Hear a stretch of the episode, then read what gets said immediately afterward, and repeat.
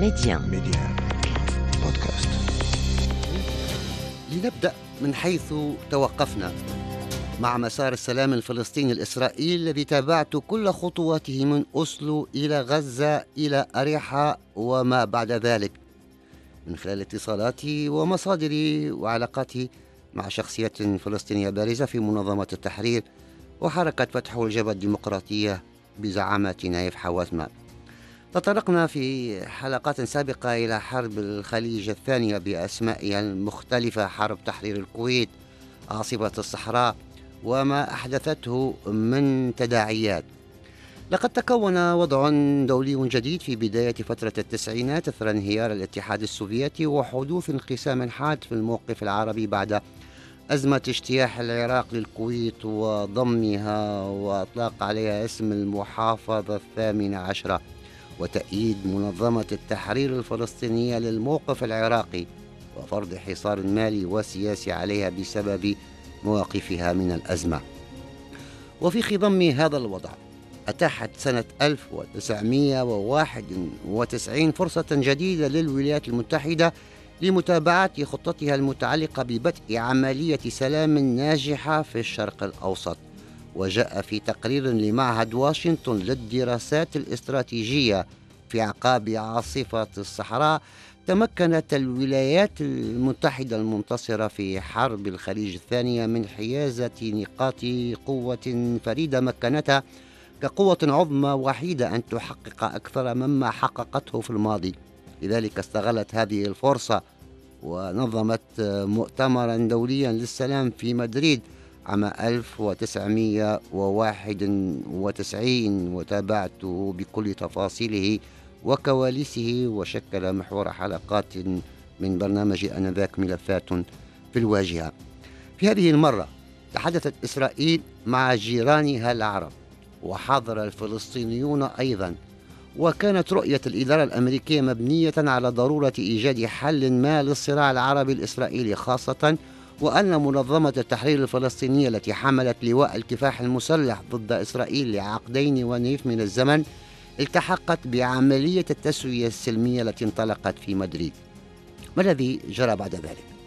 العاصمة النرويجية أوسلو استضافت محادثات سرية قادها من الجانب الإسرائيلي أوري سفير المدير العام السابق لوزارة الخارجية ومن الجانب الفلسطيني أحمد قريع أبو علاء الذي تولى بعد ذلك رئاسة الحكومة الفلسطينية.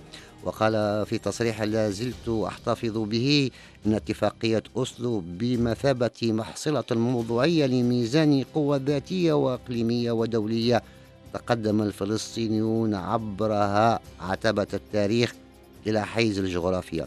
وكان الجانب النرويجي الذي وفر الغطاء السياسي والمنشآت والتمويل للمفاوضات ممثلا بكيري رود لارسون ونائب وزير الخارجية إيان إكلان بعد جولات من التفاوض السري المباشر وغير المباشر وبعد قبول إسرائيل بمنظمة التحرير الفلسطينية كشريك مفاوضات أصبح من الممكن بدء مفاوضات جادة.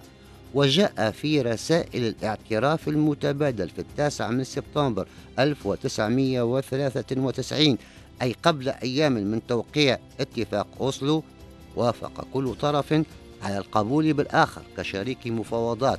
واعترفت منظمة التحرير الفلسطينية بدولة إسرائيل. واعترفت إسرائيل بمنظمة التحرير الفلسطينية كممثل الشعب الفلسطيني. وفي الثالث عشر من سبتمبر تم التوقيع على اتفاق على المبادئ الفلسطيني الإسرائيلي بأوسلو في حديقة البيت الأبيض في واشنطن. ووقع الاتفاق عن الجانب الفلسطيني محمود عباس أبو مازن وعن الجانب الإسرائيلي وزير الخارجية شيمون بيريز كما وقعه بصفتهما شاهدين ولهذا الأمر معناه وزيرا خارجية الدولتين الراعيتين لعملية السلام الروسي أندري كوزيريف والأمريكي وارن كريستوفر. وكان يراقب مراسم التوقيع من خلف المنصة كل من الرئيس الأمريكي بيل كلينتون والزعيم الفلسطيني الراحل ياسر عرفات ورئيس الوزراء الإسرائيلي الراحل إسحاق رابين. وتابع العالم قبل ثلاثين عاما صورة مصافحة بالأيدي غير مسبوقة بين ياسر عرفات وإسحاق رابين مصافحة من الصعب تكرارها في الوقت الراهن.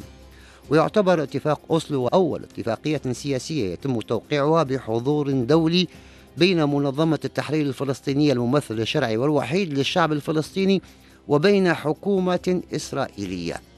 وتبع هذا التوقيع على الاتفاق على بروتوكول باريس. الاتفاق الاقتصادي الذي وقع في التاسع والعشرين من أبريل 1994 ثم اتفاق غزة أريحة الموقع في القاهرة في الخامس من ماي 1994 واعتمد المفهوم السياسي لاتفاقية أوسلو على الافتراض بأنه ليس بالإمكان إيجاد حل متكامل لجميع القضايا السياسية المختلف عليها وذلك لتشابكها مع مسائل قومية مؤلمة وحساسة بالنسبة للطرفين.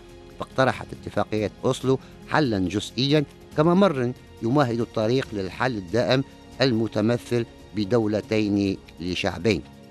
وحدد اتفاق إعلان المبادئ الفلسطيني الإسرائيلي أوسلو في مادته الأولى هدف المفاوضات في إقامة سلطة ذاتية فلسطينية في الضفة الغربية وقطاع غزة لفترة انتقالية لا تتجاوز الخمس سنوات تؤدي إلى تسوية دائمة تقوم على أساس قراري مجلس الأمن الدولي 242 و 338 وبذلك تكون اتفاقية أوسلو قد أكدت المرجعية القانونية والسياسية التي تقوم عليها أسس التسوية السياسية بين الجانبين.